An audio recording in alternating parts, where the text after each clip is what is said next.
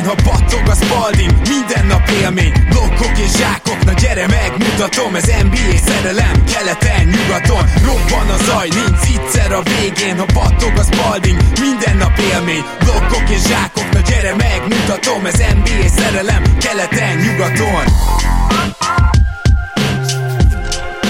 Éjjó! Szép jó napot kívánunk mindenkinek, ez itt a Rap City keleten-nyugaton podcast a mikrofonok mögött Zukály Zoltán és Rédai Gábor. Szia Zoli! Szia Gábor, sziasztok, örülök, hogy itt lettek, remélem, hogy nem fogjátok kihalni a május kockát a hangomból, igyekeztem leöblíteni. Én eddig nem hallottam, úgyhogy remélhetőleg a hallgatók sem fogják majd. Na de, mai adás előtt szeretném még egyszer hangsúlyozni, hogy akik nyertek decemberben, illetve novemberben, és még tartozom az ajándékokkal, azok írjanak már rám, illetve azt szeretném még kérni tőletek, hogy ha nem olyan régóta hallgattok, akkor fontoljátok meg, hogy Facebookon követtek minket, illetve hogy Patreonon támogattok, ez havi egy dollártól már megtehetitek patreon.com per keleten nyugaton, és nagyon szépen köszönjük sok-sok Patreon támogatónknak, hogy velünk tart, így is. Ez a köszönet, ez ráadásul meg is testesül a következő adásban, egy sorsolásban, ahol a Rap City felajánlásából majd egy meszt választhat a győztes, úgyhogy ezért is megéri minket támogatni, és ma egy egészen különleges témát hoztunk, ami nem lesz olyan hosszú, de mégis szerettem volna, és talán ezt ilyen hagyománynak is bevezetni, hogy legyen valamilyen visszatekintő adásunk az előző évre, amikor elkezdődik az új év, és hát nem nagyon volt ötletem, hogy hogyan csináljuk ezt, de be kell, hogy valljam, hogy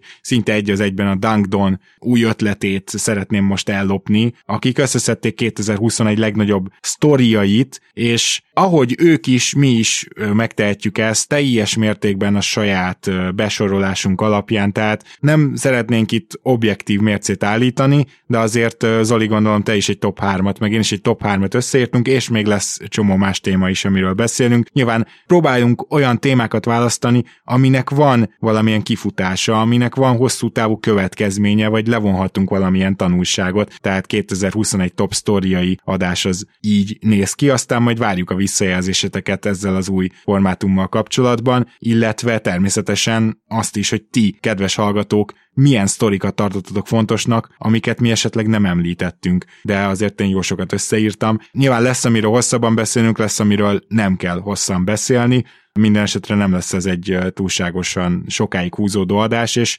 Szerintem csapjunk is bele. Zoli, egyetlen egy kérdésem van, hogy úgy csináljuk-e, hogy ezt a top 3-at ezt kisöpörjük az útból, elmondjuk, hogy mi volt a három legfontosabb nekünk, és aztán utána emlegetjük a témákat, vagy hagyjuk a végére. Nagyon jó kérdés. Mind a két verzió működik számon, hogy akár fel is dobhatsz egy pénzérmét. Rendben van. Ha nincs is pénzérme a zsebemben, de van itt biztos valami, amit feldobhatok, egy pillanat. Ez kérlek szépen egy mikrofonszívacs, és az erről dölt, ami azt jelenti, hogy a top 3-at a végére hagyjuk ezúttal. Na jó, akkor én azt gondolom, hogy Zoli, kérlek, dob be az első nem top 3-as sztoridat 2021-ből. Rendben. Nem tudom, hogy te hoztál egy CBA sztorikat, érdekesebb vonatkozásokat arra nézve, hogy, hogy merre mehet az NBA a következő években, vagy hogy a Covid évek alatt ugye ugyanakkor most már anyagi szempontból a liga. Ezt csak azért vezettem így fel, mert én nem hoztam, tehát azt gondolom, hogy a nézőhallgatóink tőlem egyébként is inkább azt várják el, és talán ebben vagyok jó, hogy ami engem különösen érdekel, annak azért utána olvasok, utána nézek, és hát ugye nézem ezen vonatkozásait, vonzatait is az NBA-nek. Ezért kicsit közhelyes lesz az én listám, még a top 3-on kívül is. Az egyik olyan sztori és olyan csapat, ami engem leginkább megfogott és foglalkoztatott tavaly, az az Atlanta Hawks volt. Yes. Akik azt mondanám legszesebben, hogy betörtek a liga elitbe, de ugye most közben meg van a jelenlegi tapasztalásunk, ami ezt kicsit megkérdőjelezi, de mégis azt kell mondanom, hogy, hogy valahol azért ez igaz volt, és független attól, hogy eddig nem bírják ezt, nem tudják ezt szépen lekövetni, azért ez egy nagyon-nagyon szimpatikus, számomra szimpatikus és nagyon-nagyon jó csapat is volt a playoffban. Én abszolút vártam a Knicks elleni sikerüket, még akár azt is, hogy, hogy relatíve domináns módon intézik el őket, és hát nem véletlenül mondogatjuk évek óta, hogy ővék a, a liga egyik legjobb, legfiatalabb magja, Young idén eddig egyébként szenzációsan játszik, tehát ha valakinek a vállairól le lehet venni az idei rossz szezon terheit, eddig azt szerintem pontosan ő. De egyébként is annyi kedvencem volt ebben a csapatban, ugye Bogi, Gálló az európai vonalról, Lou Williams, a Strici, és őt tényleg lehet annak hívni, ugye kicsit elcsépelt az a kifejezés egyébként, de őt, ő tényleg az, hogy ugye a csávónak két felesége van gyakorlatilag, vagy két állandó barátnője. Azt hiszem már csak egy. Szóval Már csak csak, egy, lehet, csak ilyen news, az news igényeit, flash, igen. igen.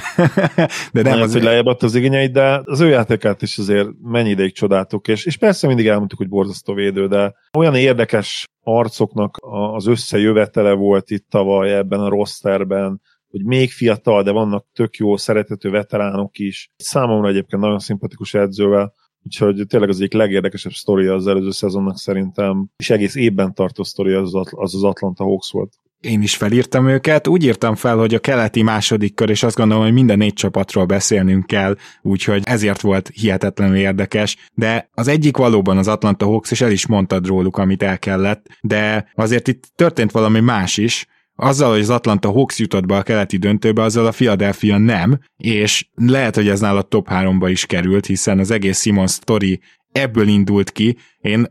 Azt gondolom, hogy nálam nem top 3-as, ha már egyébként feldobtad a kérdést. Igen, hoztam CBA-vel kapcsolatos dolgot, és az a harmadik helyen van. Egy kicsit csaltam, mert két harmadikon van, szóval nálam igazából top 4 van, de igen, ezt majd később tudjuk meg. Viszont azért ez szerintem alapvetően egy hatalmas fordulat volt, hogy a Philadelphia ki tudott kapni az Atlantától, mert azt gondolom, hogy ha utána a Bucks-tól, vagy akár hogyha máshogy alakul, akkor a Nets-től kikapott volna a Philadelphia, akkor még mindig néznénk az Embiid Simons kísérletet, és ugye Sam Hinkie öröksége tovább folyna, de Sam Hinkie örökségét megrontották, hogy úgy fogalmazzak, és ezzel szerintem nagyon-nagyon sok hazai szurker egyetért, és amit ő elkezdett építeni, azt nem sikerült tökéletesen, vagy nem sikerült igazán jól befejezni, és valószínűleg ennek az első köre ez véget ér ezzel, Ben Simmons nem akar Philadelphiába játszani, és az is kiderült azért, hogy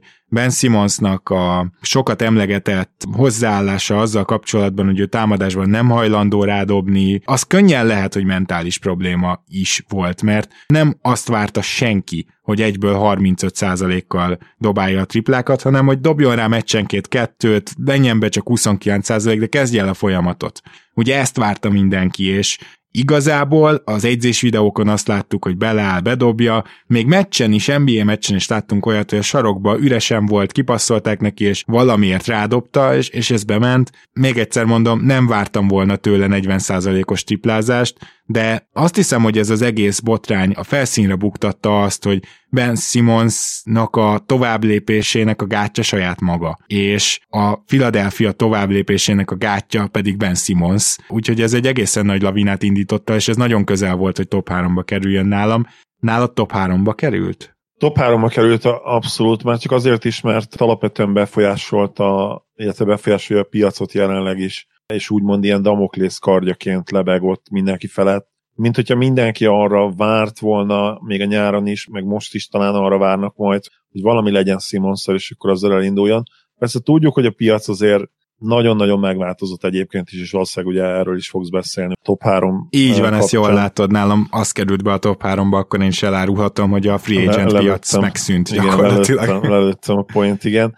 Szóval nyilván ez, ez egy egyébként is most már meghatározható és egyértelműen kirajzolódó jelenség, ami, aminek a folytatását várjuk, ugye. Ha végig böngészitek tényleg az idei free agent felhozatalt, akkor hát vagy ez szörnyültök, vagy hogyha egyébként már van két-három sztár csapatban, akkor, akkor lehet, hogy találtak azért pár arcot majd, akinek ugye esetleg be lehetne ajánlani, vagy hogyha hoppon marad, akkor egy, egy emelét, vagy akár egy veterán minimumot is, hát az elmúlt években hihetetlen veterán minimumos meglepetések voltak. Szóval igen, a Simons szága nálam ott van, és szerintem teljes joggal. Már csak azért is, mert Ben Simons egyébként tényleg több, mint egy szimpla tehetség. Tehát ő egy korszakos all-around játékos lehetne, és talán még mindig lehet, de az igazság, hogy ketyeg az óra. 25-26 éves jelen pillanatban ő nem hagyhat ki most két évet, tehát ez, ez, ez teljesen esélytelen, és ezért is várom azt, hogy valami történjen még idén, ha nem is most, és, és tényleg dacból kiüli az egész szezont, vagy ugye nem feltétlenül dacból, hanem ugye a Sixers is most már azért bekeményített, sőt már, már korábban, de ez, ez egyszerűen el lesz rendezve, vagy így, vagy úgy, vagy a trade deadline környékén, vagy pedig ugye legkésőbb nyáron biztosan uh, találnak neki destinációt, és valamilyen érték is jön majd nyilván, amivel be kell, hogy érje majd Móri. Igen, és egy jelen pillanatban a plegykák szerint ez inkább a mostani trade deadline. Akkor beszéljünk itt a Netsről is, gondolom nálad sincsenek top 3-ban, sztoriban, úgyhogy erről azt gondolom Gondolkodtam rajta egyébként, mert amikor ugye gyűjtöttem az anyagot az adás előtt, és 2021 legnagyobb híreit, legnagyobb sztoriait néztem, azért a legtöbb helyen ott volt egyébként a, a Nets nagy hármasa ebben, de én nem értek egyet azzal, hogy ez minden idők legjobb hármasa, abszolút nem és pont ezért nem is raktam őket top 3 mert kicsit ideges lettem attól, hogy ezt mennyire konszenzusként kezeli mindenki, hogy ez minden idők legjobb hármasát, rohadtul nem. A Celtics nagy hármasa biztosan, biztosan jobb volt, nem kérdés, de én még találnék azért olyat, amelyik, ha nem is úgymond star power de legalábbis feedben és two-way játékot illetően jobb, mert, mert itt azért azt is ki kell emelni, hogy itt kettő a háromból azért egyált, szinte egyáltalán nem védekezik. Jó, talán Harder egyébként ez nem igaz is közhely, de poszt védekezése nem rossz, erről ugye nagyon sokat beszéltünk mert Minden esetre abban szerintem egyetértünk, azért nem ez minden idők legjobb hármasad. A, a Pippen, Jordan, Rodman trio azt gondolom egyértelműen jobb azért ennél. Meg ugye a Lakers trio, aki a nagy hármasok versenyében nálad első lett, Nálam ugye a Bostoni lett az első, de, de szóval igen. ők is, igen. Hát, ne, negyedik helyre lehet, hogy oda sorolnám egyébként őket. Érdekes ez a három és feles, ugye a Draymond Green, Curry, Durant, és ahhoz még Clay ilyen félként hozzácsapódik. Ja, őket is, igazadom, bocsánat, őket is egyértelműen elég venném, abszolút. És valahol igen. ugye érdekes a nagy hármasa az OKC-nek korábban, amelyik túl fiatal volt, hogy, hogy bajnok legyen. Annál azért szerintem jobb ez a mostani, nyilván azért is, mert Harden azért ott, ott nagyon-nagyon kilógott még. Igen, illetve talán azért, még ha a Prime előtti Westbrookról is beszélünk, annál ez az Irving ez jobb, csak hogy és ezért itt a Netsnél két dolgot írtam fel gondolatnak. Érdekes megközelítés ez, hogy milyen erős a nagy hármas a, a történelmileg, de az is érdekes megközelítés, hogy azért őszintén voltak kéteink az a kapcsolatban, hogy egy csak támadó csapat akár nyerhet-e bajnoki címet, igen. és a válasz és az lett, hogy igen. Ha közbevághatok itt, Gábor, bocsánat, igen. csak hogy külön itt az Irving szágát is elő lehet venni, mint nagy sztori. Tehát azért is érdekes ez a Big Free, mert ez tulajdonképpen két nagy sztori így egybe. Igen, csak talán az Irving szága az még 2020. Igen, most mondjuk megold, bár dehogy oldódik meg, hát csak hazai meccseken játszik. Tehát ja, hogy ez a mostani Irving szága, ne haragudj, igen, bocsánat, azt hittem, hogy az átigazolással, meg stb. Nem, nem, körüli nem, igen, történet. Nem. Igen, igazad van, tehát külön ide lehet venni, és ez a másik gondolat, amit a Netszel kapcsolatban felírtam, hogy az egyik, amitől feltettük őket, csak támadó csapatként nem lehet bajnok, ez erre egyértelmű válasz volt, hogy de, de lehetett volna. Igaz, hogy tavaly, tehát ne feledjük el azt a tavalyi évet, a 19-20 meg a 20-21-es évnek az egészen elképesztő eltolódását a támadás felé. Tehát ezt, ezt ne feledjük el, amikor erre egy igen választ kaptunk, de a másik kérdőjel, kérdőjel bennünk az volt, hogy ez a három sztár, ez tud egészséges lenni, és erre is azt a választ kaptuk, hogy nem, nem tud, vagyis erre azt, hogy nem, nem tud. Mert hogy végül is ez okozta a vesztüket. És azért ez kicsit ilyen, ilyen nagyon sajnálja az ember, meg az egész tavalyi playoffnak a rengeteg sérülését nagyon sajnálja az ember, de a Nets esetében úgymond ez egy jogos félelem volt. Tehát, hogy ott azért tudtuk, hogy itt sérülékenyek lehetnek, keveset játszanak majd együtt. Azt kell, hogy mondjam, hogy ilyen szempontból hogy sajnos ez beigazolódott. Minden esetre a Nets ilyen szempontból egy óriási sztori volt, és nem tudom, hogy mennyi olyan sztorink lesz a következő években, hogy három sztár összeáll. Úgy tűnik, hogy ez olyan 5-10 évenként így megismétlődik egyszer, tehát azért nem is az van, hogy ez, ez nagyon rendszeres, de ugye most azért kaptunk egy nagyobb dózist, hiszen megtörtént Los Angelesben két csapatnál, és megtörtént Brooklynban. Négy gigapiacos csapat közül háromban gyakorlatilag megtörténtek a játékos összeállások. Egy ideig most ezzel el lesznek, úgyhogy lehet, hogy egy ilyen pihenő időszak jön ilyen szempontból. Na de akkor menjünk tovább, és a, ha a Nets, akkor én nálam a másik olyan dolog, ami majdnem bekerült a top 3-ba, az Kevin Durant visszatérése. És nem, nem tudom, hogy neked egyáltalán felmerült-e, vagy ha igen, akár top 3-ba is került-e, de én azt gondolom, hogy mind, hogy is mondjam, orvosilag, mind pedig egy lehetséges all-time top 10-15-ös játékos öröksége szempontjából félmetesen nagy volt ez az év, és direkt utána néztem, Kevin Durant négy preseason meccset játszott 2020-ban, tehát nyugodtan mondhatjuk azt, hogy 2021-ben győzött meg minket arról, hogy egy ilyen sérülésből vissza lehet jönni, mint a liga gyakorlatilag legjobb játékosa, vagy beszélgethetünk Le- róla. Legjobb támadó játékosa, azt gondolom, az nem kérdés. Tehát amit tavaly lehozott, igaz, hogy itt a meccs számot azért, azért meg kell említeni, tehát ugye 35 meccs játszott az alapszakaszban, viszont, és ez nagyon-nagyon fontos, play is megmutatta azt, hogy milyen hihetetlen játékos, és nem precedens nélküli az Achillesből superstarként való visszatérés, Nyilván, hogyha előtte egy szupersztár voltál olyan, aztán tényleg nincs, hogy valaki nem volt szupersztár, ahogy lett, és utána szupersztárként tért vissza. De egy-két olyan eset volt, ugye Dominik Wilkins emlegetjük mindig, aki tényleg gyakorlatilag szupersztárként is tudott visszatérni az Achilles sérülés után, és támadásban tényleg Durant az egyik legjobb szezonját hozta tavaly, mondom még így a szűkebb alapszakasszal is, majdnem 54%-kal a mezőnyből. Hát ez peak LeBron, Oké, okay, ő talán még ennél is jobb volt, ő talán 56-58% körül volt, de egészen hihetetlen. Tehát egy Kevin Durant-tól nem szoktuk meg azt, hogy 54%-kal dob a mezőnyből, és ebben benne volt az egészen hihetetlen triplázás is egyébként, ami nyilvánvalóan visszaesett ugye a normához, a normára, a földre visszaesett erre a szezonra, mert ő azért nem egy Steph Curry féle tripladobó, mint amit tavaly csinált. Az 45% az valami egészen brutális. Csak annyi, hogy a védekezése is visszajött csak a playoffra, és ha belegondolsz, hogy ott Igen. mekkora terhet cipelt, hogy ott egyszerre volt a csapat a legjobb támadó és védőjátékosa, az egészen fantasztikus és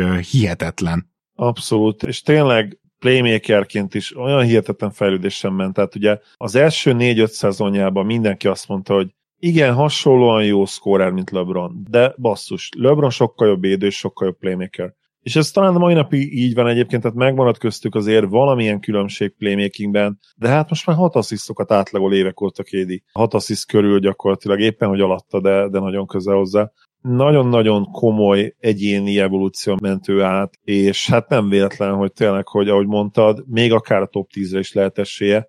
Függetlenül attól nyilván, hogy az a két bajnoki cím, az mindig egy kicsit lenézett lesz. És azt gondolom, hogy ebben mi is, azt akartam mondani, hogy bűnösök vagyunk, de nem vagyunk bűnösök az igazság, mert az, az már tényleg túlzás volt az a két Igen. év.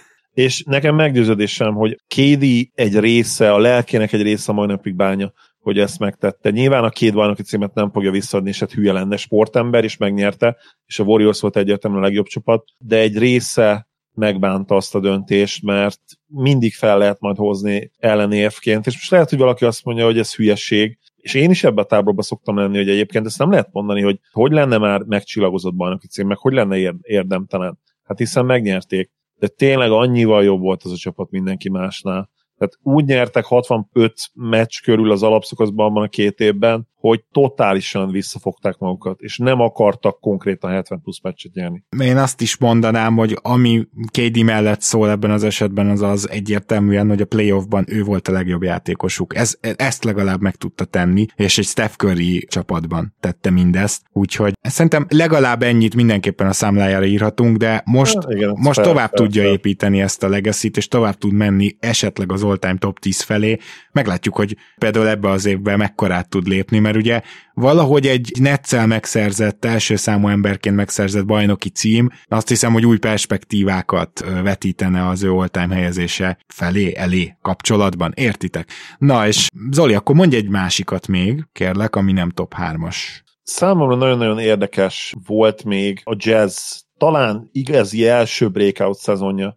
Az az előtti években nem gondolom, hogy elhittük volna róluk. Egyrészt az sem, hogy igazi contenderek, másrészt pedig az sem, hogy, hogy meg tudják nyerni a ligát az alapszakaszban, és a legjobb mérleggel bemenni a rájátszásba, gyakorlatilag végig hazai pályát biztosítva ezzel. Tudjuk, mi történt a play-offban, sérülés, én elsősorban egyébként ennek a számlájára írnám, de számomra a Jazz tavaly csatlakozott úgy először igazán az elithez, és egyébként a szezon előtt is mondtuk, hogy ó basszus, ha ez a csapat összeáll, és egészségesek lesznek a playoffra, akkor ez tényleg más lehet, és tényleg mások lettek nem kimagasló contenderek, de most is egyértelmű contenderek, és engem abszolút nem lepne meg, hogyha felérnének a csúcsra, és ezt az előző szezon előtt, 2021 előtt, ezt nem mondhattuk el róluk. Igen, én azt hiszem, hogy például úgy lehet ezt megfogni, hogy Queen Snyder elég permanensen belépett a legjobb öt egyző közé. Nálunk már azért ez korábban is ott volt ötödik, hatodik helyen ezeken a listákon, de nem mindenhol. Én azt gondolom, hogy most már ez egy, ez egy konszenzus gyakorlatilag az NBA szakírók körében,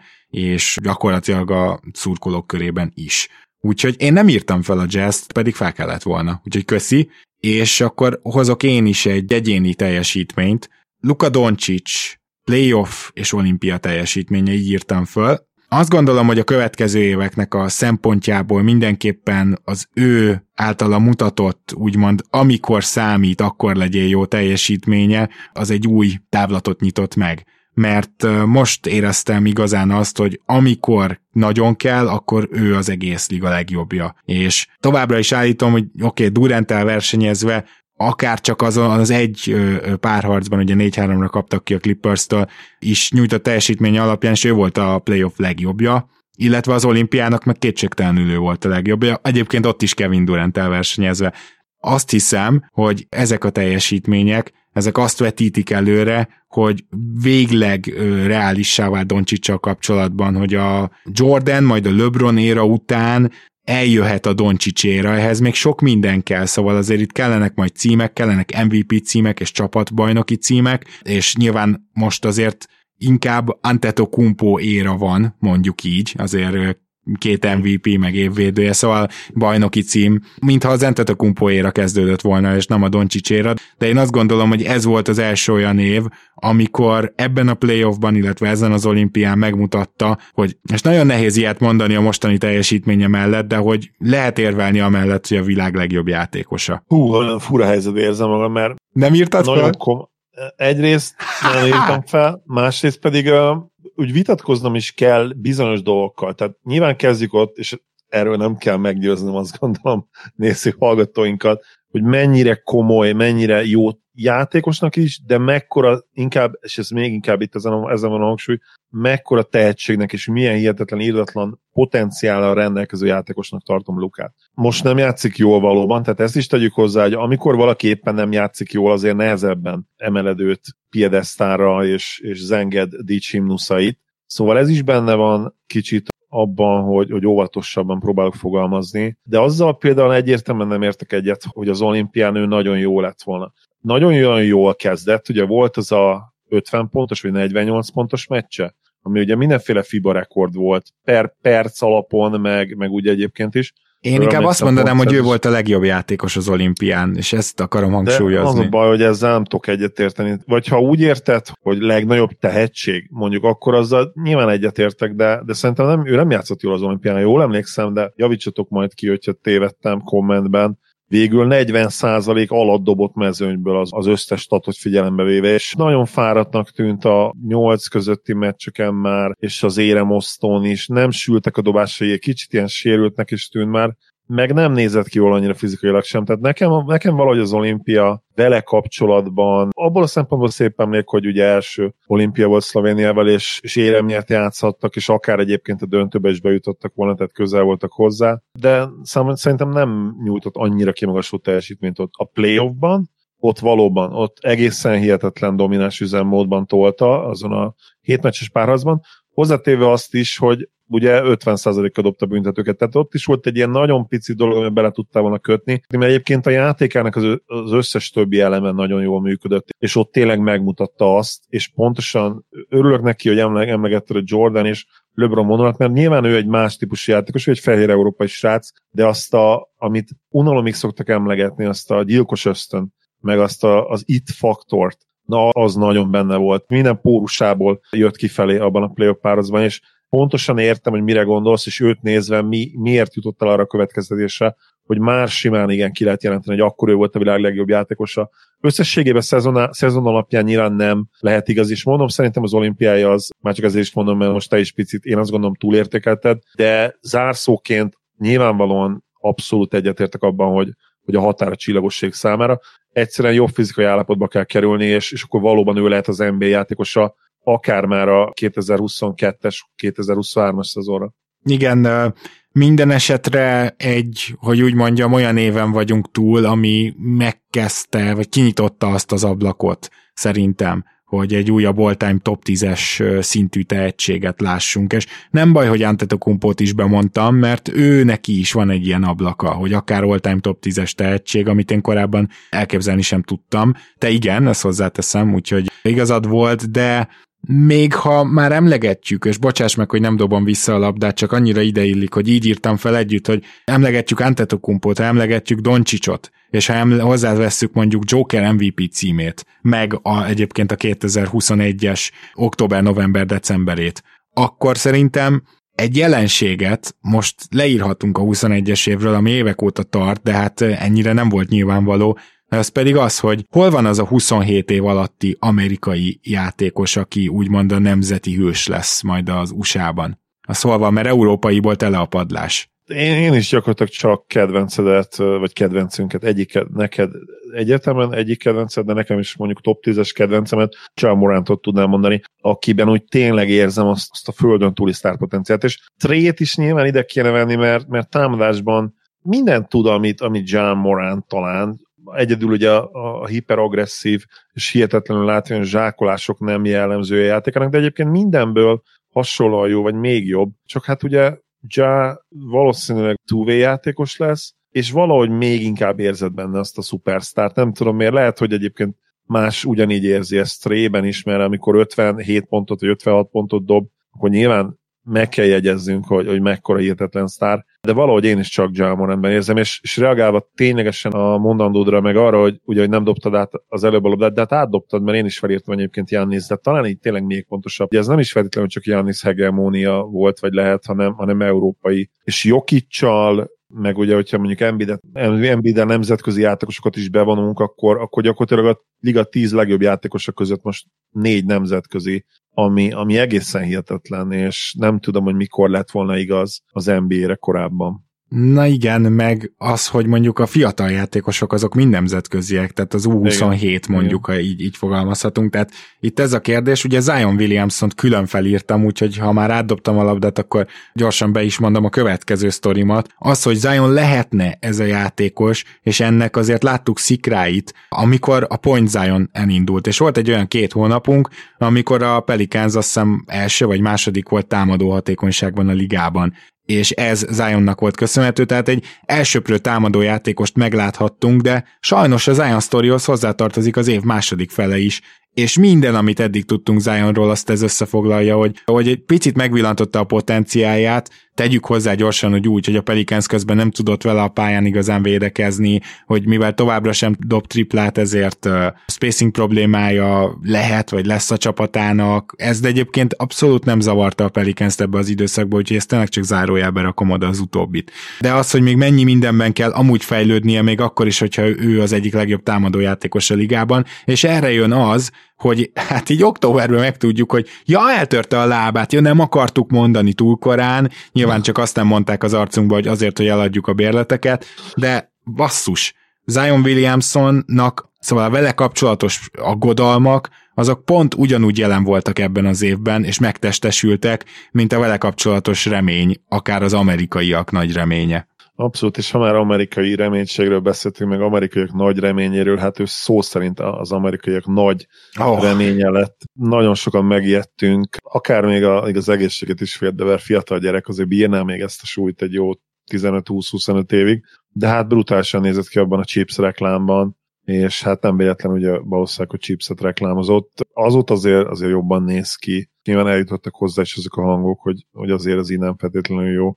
és elkezdett lefogyni. Egyébként tényleg érdekes ez a, ez a tendencia, és nagyon-nagyon kíváncsi leszek arra, hogy, hogy a következő években jön-e majd a következő nagy amerikai prospekt, mert elég sokat kellene azért visszamennünk, hogy tényleg ezt a korszakos prospektet megtaláljuk amerikait. Talán belőlük több volt a 80-as és a 90-es években, meg a 2000-es években, mint azóta.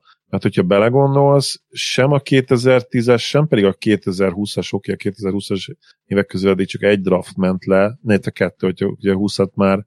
Igen, ez örök vita, így van.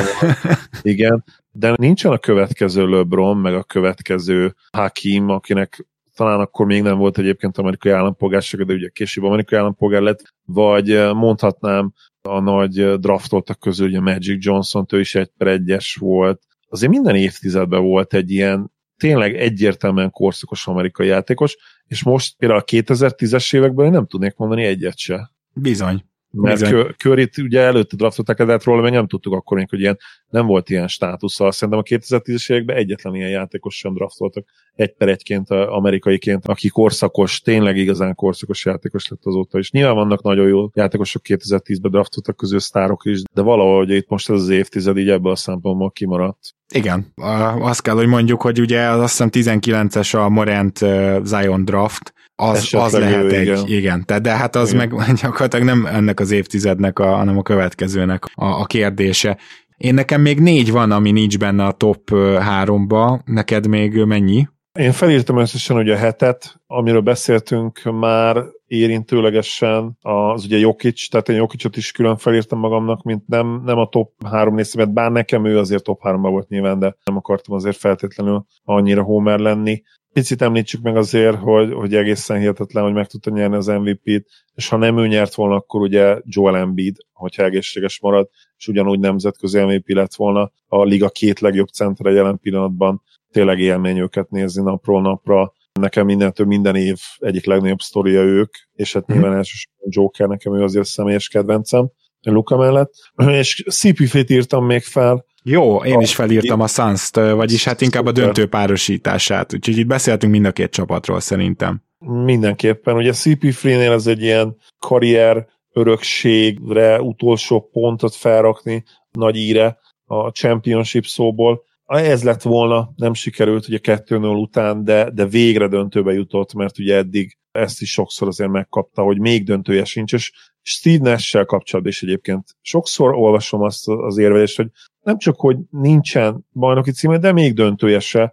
CP3 ezt már mindenképpen megérte, megtette, ugye Charles Barkleyhoz hasonlóan, egy korábbi nagysághoz hasonlóan, és, és ők, ők ott voltak, ők megtettek mindent, még Sir Charles azért egy hihetetlen csapat ellen maradt alul, CP3 érzésem szerint nem, és hát nagyon-nagyon sajnálhatják ezt a lehetőséget, mert 2 0 azt hiszem talán a 80%-a meg szokta nyerni a csapatoknak a döntőt. Ők sajnos abban a maradék 20%-ban voltak, sajnos az ő szempontjukból.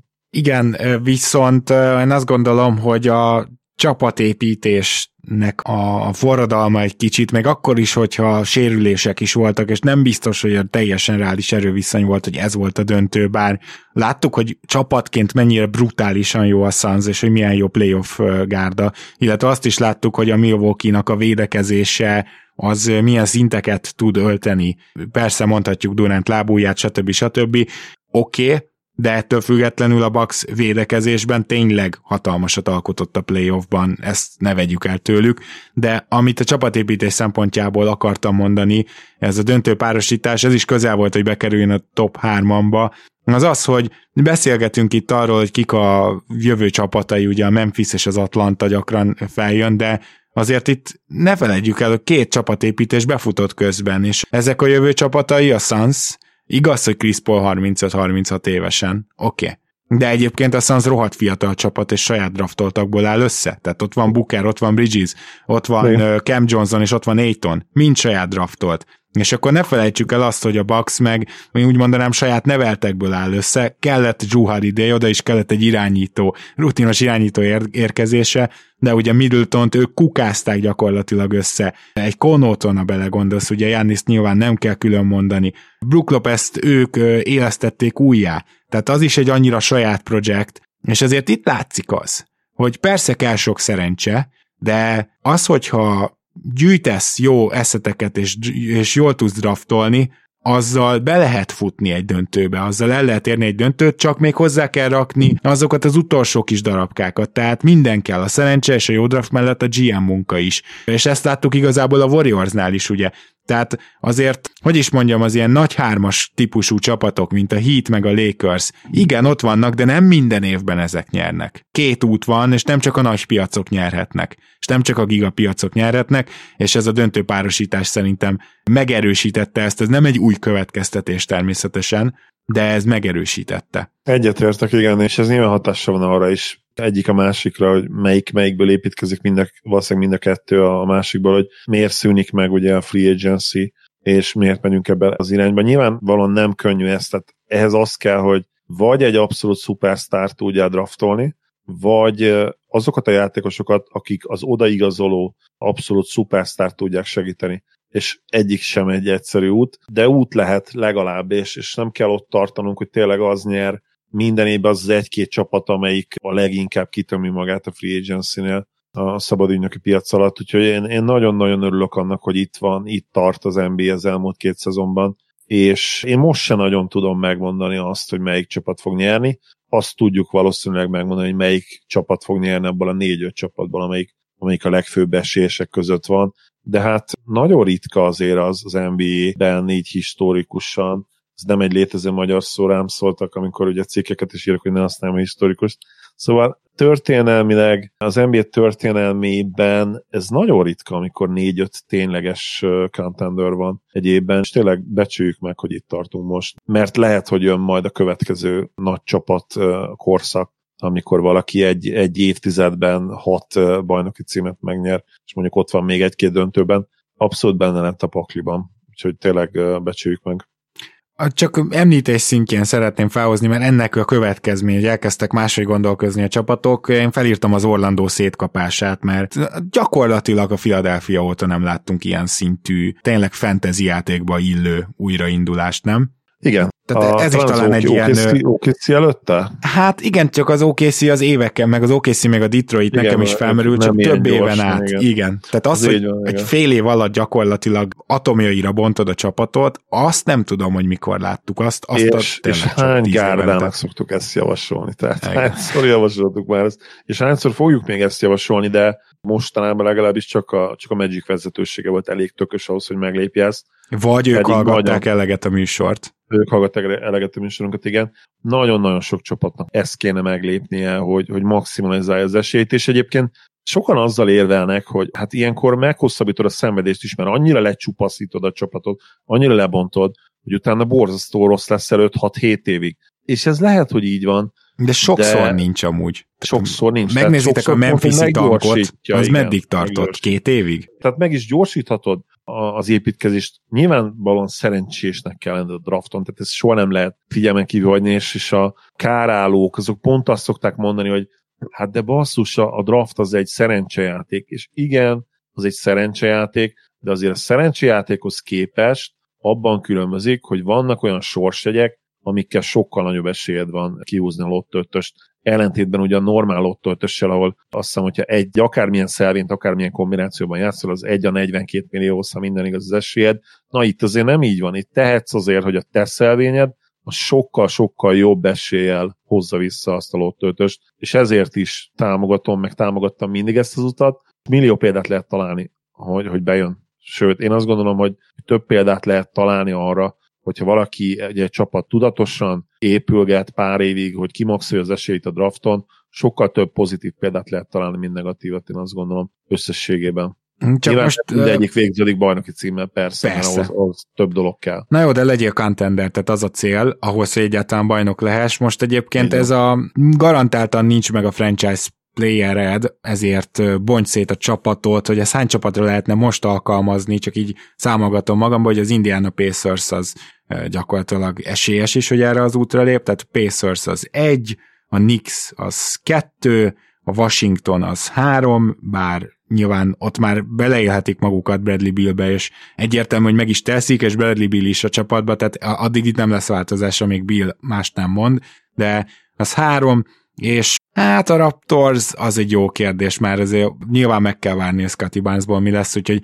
három keletről, azt mondanám, és óriási poén lenne bemondani nyilván a Bulls-t, akit egyszerűen nagyon féltek attól, hogy DeRozan playoff teljesítménye a plafont le fogja sűjeszteni, de ezt mondjuk úgy, hogy nem mondtam, és nyugatról pedig Hát ugye a Portland, de hasonló helyzetben vannak, mint a Washington, a Sacramento, a San Antonio, az három, a Minnesota is gyakorlatilag, mondjuk most olyanokat mondok, hogy nem feltétlenül értek ezzel egyet, csak lehetne érvelni mellette, az négy, tehát akkor már hétnél járunk, igen, nagyjából így ennyi. Te, a te valószínűleg lehet, hogy a dallas is így ritúrra odaraknád, de az azért mégsem tankolás. Most azért van hét olyan csapat, akinek ilyen szempontból reálisan lehetne ebbe az, ebbe az irányba menni. Azt azért én nem nézném szívesen, a mind a hét ebbe az irányba menne, ezt hozzáteszem. Tehát örülök neki, hogy esetleg, ha csak évenként igen. egy csapatot ne, kapnak. Ne, ne egyszerre csinálják egyszerre, igen. Az, az nem fog jól kinézni. Kicsit erős lenne mielőtt rákanyarodunk a top 3-ra,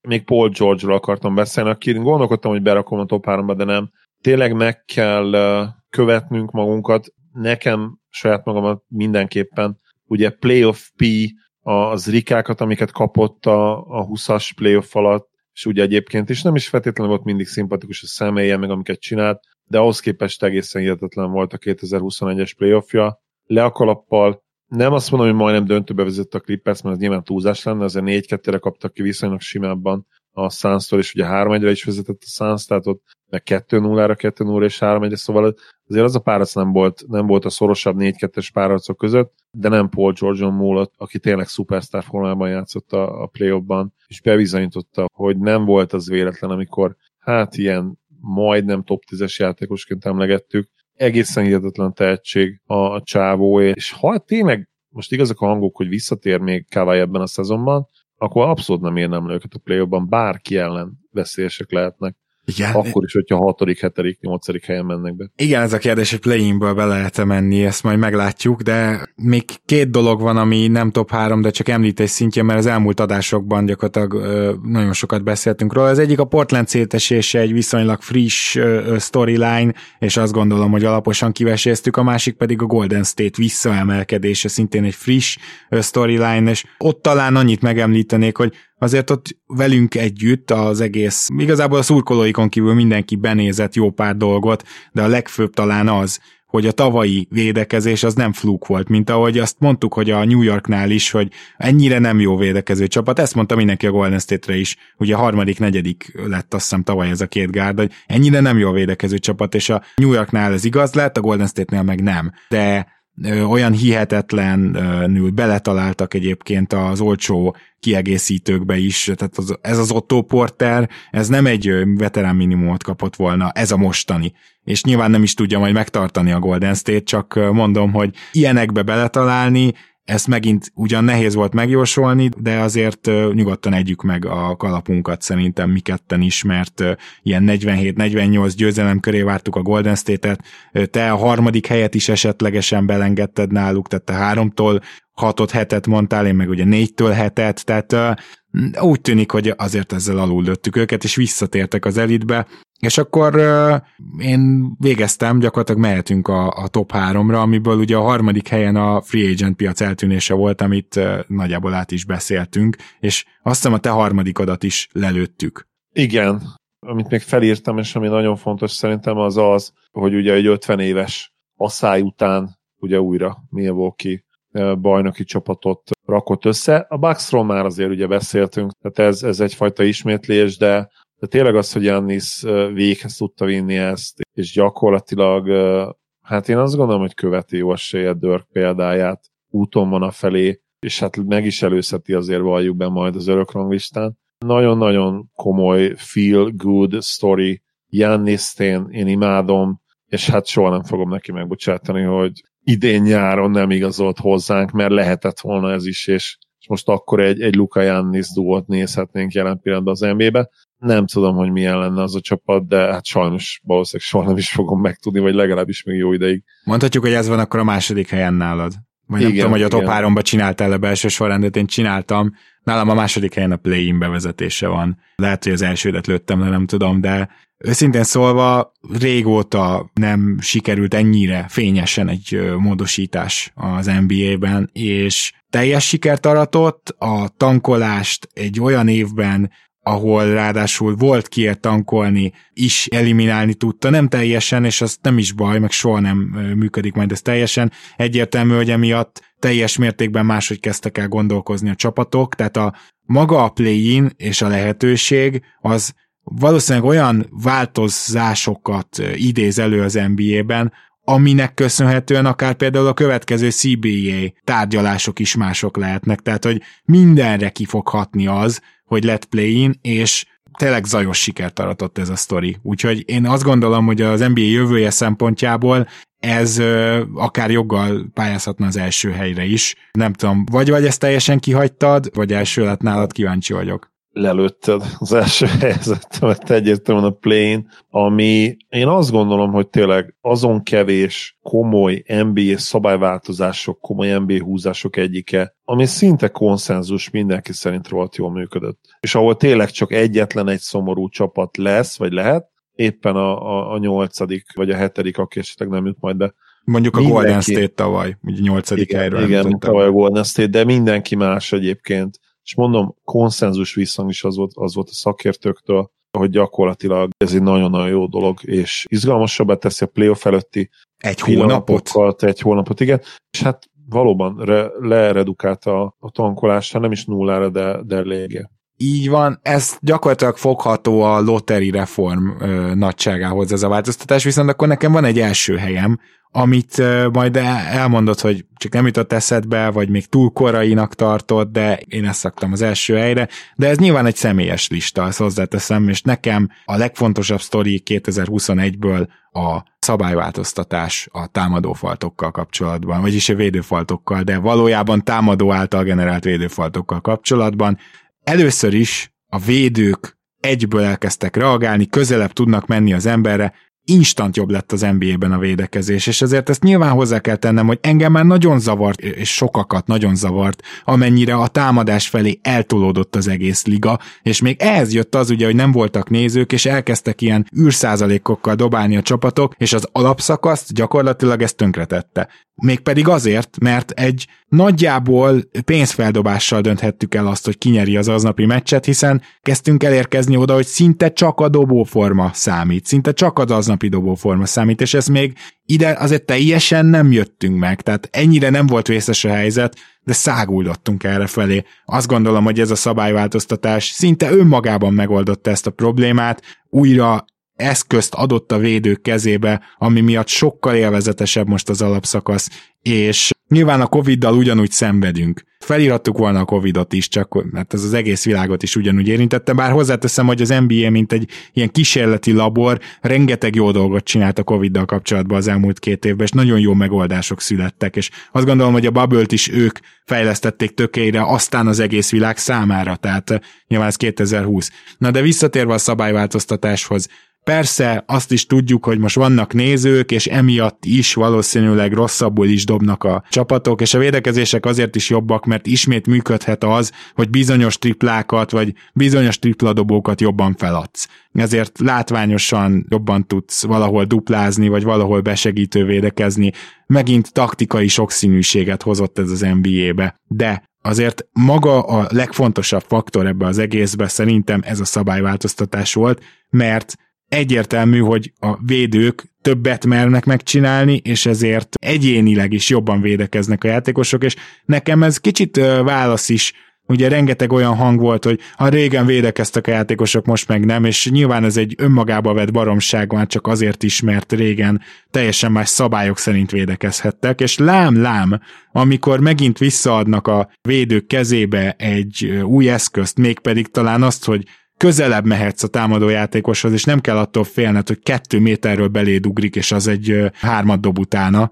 Tehát, hogy ezt az eszközt visszaadják, ez egyből a liga védekezésének az arculatát is megváltoztatja, és a játékosok élnek ezzel az eszközzel. Szóval nekem ez az egész egy nagyon nagy ívű következtetés is, ami még egyszer mondom, a nézők visszatérésével és a rosszabb dobó százalékokkal is összefügg, Úgyhogy talán ezt is hozzávehetjük, de, de szerintem ez volt a legfontosabb 2021-es történés. Igen, igen, számomra is egyértelmű most már, hogy, hogy ebben a kétszázalékos, ami hatalmas visszaesés liga átlagos triplázásban abszolút benne van az is, hogy ki tudsz, most még is ki tudsz ugrani az ellenfélre, mert tudod azt, hogyha beviszi valaki, még ha nagyon jó labdakezelése is van, sokkal jobb esélye vannak a magas emberednek mögötted a védekezésre, mint, mint eddig. Nem biztos, hogy falt fog jönni, nem nyírod ki a csapatodat azzal, hogy mondjuk egy ellenfelet ilyen 14-16 büntetődobás kísérletbe harcolsz, kiharcolt faltok szempontjából, úgyhogy egyértelmű, hogy, hogy ebbe is belejátszik ez. És egyébként tényleg jó nézni, tehát én nagyon-nagyon szeretem a triplákat, az is megmaradt, picit kevesebb esik talán, de talán és, még, még, még nagyobb lett a jelentőségük, nem? Egy-egy nagy triplának. Igen, igen.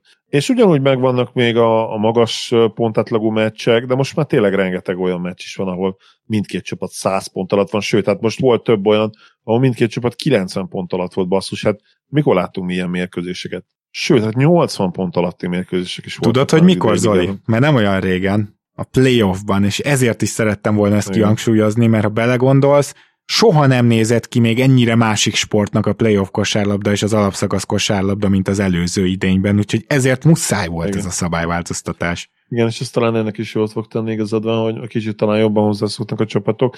És ugye Harden például is bemutatja, hogy nem kell ebbe meghalni, meg, meg akkor el, elhagyni magad, hanem igenis lehet reagálni a fújásra, és most már tényleg még agresszívebb talán, mint korábbi években, és nem csinál annyi bullshit falt kísérletet, nem akassza be annyiszor a kezét, de ugyanúgy azért összejönnek neki a, a nagyobb faltos meccsek, mert most tényleg azt csinálja, amit, amit a szabály szerint csinálnia kell ahhoz, hogy faltot kapjon, ami nem lehetetlen, tehát Michael Jordan is tudott 10 plusz büntető kísérletes szezont lehozni, meg LeBron is még a 2000-es évek második felében, amikor nem volt ennyire egyszerű azért még a, a büntetővonalra kerülni, mint az azután években. Szóval erre is van megoldás, és, és egy jó elegye szerintem a mai NBA az idei szezon annak, amitől én szerettem a modern érát, de amit még esetleg szerettem a régi érában is, szerintem ez egy nagyon jó balance, amit most látunk. Ez tökéletes megfogalmazás volt, úgyhogy ezzel le is záratjuk. Ha ez eszedbe jutott volna, nálad is top 3-as, nem? Valószínűleg igen egyébként. Jó, én azt hittem, hogy ez egy rövid adás lesz, így olyan dolgokkal készültem, mint sorozatajánló, illetve van két film, ami az elmúlt időszakban mind a ketten megnéztünk, és gondoltam, hogy beszélhetnénk arról is, de hogyha gondoljátok, kedves hallgatók, ezt átrakjuk következő adásra, mert ez a felvétel is egy órás lett legalábbis nyersanyag szintjén, aztán valószínűleg 50 valány perc lesz a vége, majd vágottan. Zoli, nagyon szépen köszönöm, hogy végigmentünk 2021 legfontosabb eseményein együtt az NBA szempontjából. Nem tudom, én nagyon élveztem ezt az adást. Szerintem csinálhatunk belőle egy hagyományt, hogy érzed? Mindenképp egyetértek, én is nagyon élveztem, örülök, hogy itt lettem. Szia Gábor, sziasztok! Kedves hallgatók, tartsatok velünk, továbbra is jövünk a jövő héten sorsolással, amint hallottátok, még film kibeszélővel is, úgyhogy keleten, nyugaton, mindenhol ott vagyunk, és a legjobbakat nektek, sziasztok!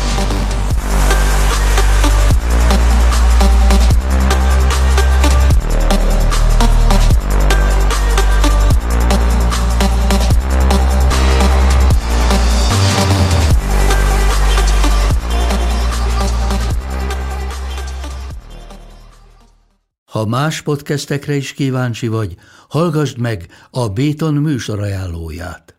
El tudod képzelni, hogy a podcastet, amit éppen most hallgattál, fél év múlva már a mesterséges intelligencia generálja? Mi sem. De ha érdekel, eljött már a gépek lázadása. Hallgass bele az Embertelen podcastbe. Orsós Lajos vagyok, a műsor házigazdája. Egyelőre még élőben. Egyelőre. Fedezzük fel együtt, hogyan ismerkedik, randizik, mesél és vitatkozik Betty és Péter, két teljesen mesterséges intelligencia. Lajos, a podcast címét mond még egyszer, Léci. Oké. Okay. Embertelen podcast.